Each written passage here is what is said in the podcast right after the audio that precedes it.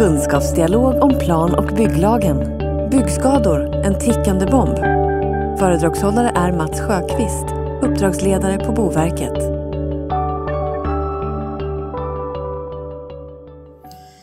Hej och välkomna till vårt lilla avsnitt som handlar om att kartlägga förekomsten av byggskador inom byggsektorn. Jag heter Mats Sjöqvist och är uppdragsansvarig för regeringsuppdraget på Boverket. Jag har en 30-årig bakgrund som konstruktör, projektutvecklare och egen företagare inom byggbranschen. Jag har också varit verksam inom kommunal verksamhet, bland annat som byggnadsinspektör.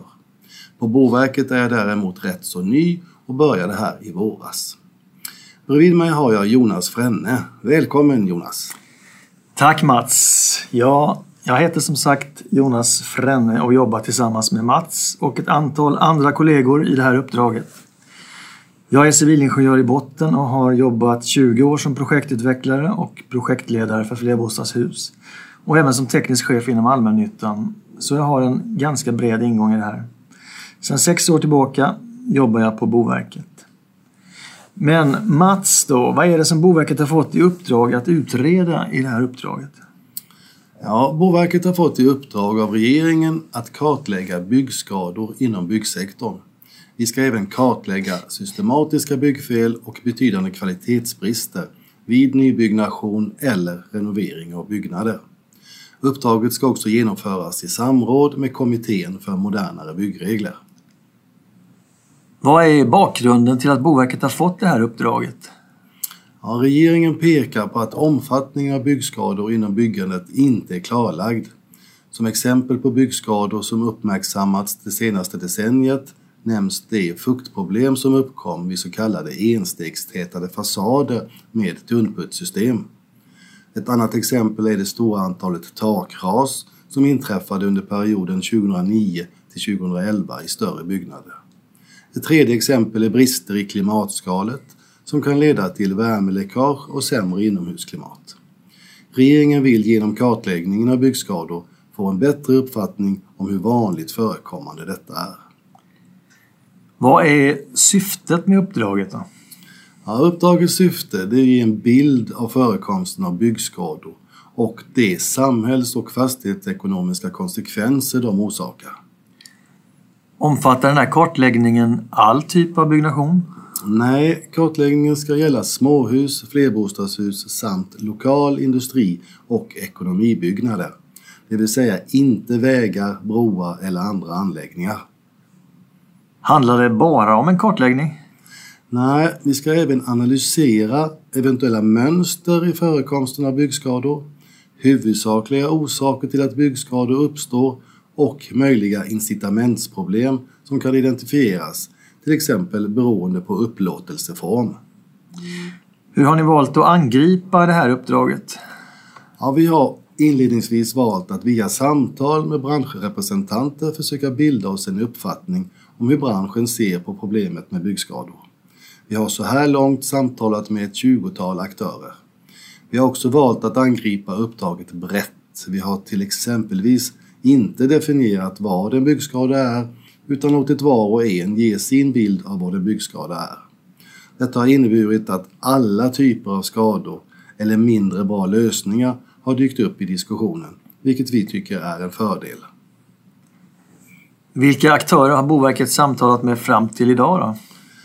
Vi har träffat eh, försäkringsbolag, skadeutredare, besiktningsmän, kontrollansvariga, fackförbund, högskolor, större entreprenörer, byggnadsinspektörer, byggherrar och materialtillverkare.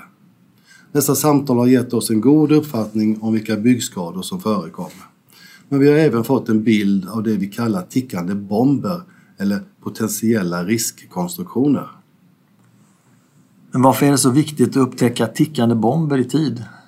Ja, med tanke på att vi de närmaste åren förväntas bygga 70 000 bostäder per år eller mer så blir konsekvenserna väldigt stora om vi systematiskt bygger in fel. Därför är det oerhört angeläget för oss att försöka hitta eventuella tickande bomber som kan föranleda skador och stora kostnader framöver. Här vill vi gärna ha inspel från branschens olika aktörer. Finns det någon samlad nationell statistik över byggskador? Nej, det gör det inte. Vi har därför gett Sweco i uppdrag att insamla all tillgänglig statistik och sammanställa den. Underlag tillhandahålls bland annat av Garbo, Anticimex, Vattenskadecentrum med flera. Om du som lyssnar har tillgång till statistik, statistik som du kan delge oss är vi mycket intresserade av att ta del av den. Men varför är det så viktigt att sammanställa den här statistiken över byggskador? Ja, det är intressant att få reda på vilken typ av skador som förekommit och förekommer och vilka kostnader dessa orsakar samhället. Om problemet är stort så är det än mer angeläget att komma till rätta med det. Det vi har konstaterat så här långt är att den största delen av de byggskador som tas upp är fuktrelaterade. Exempelvis våtutrymmen och läckande fasader och tak. Så när ska regeringsuppdraget vara klart? Ja, vår rapport ska redovisas i december 2018.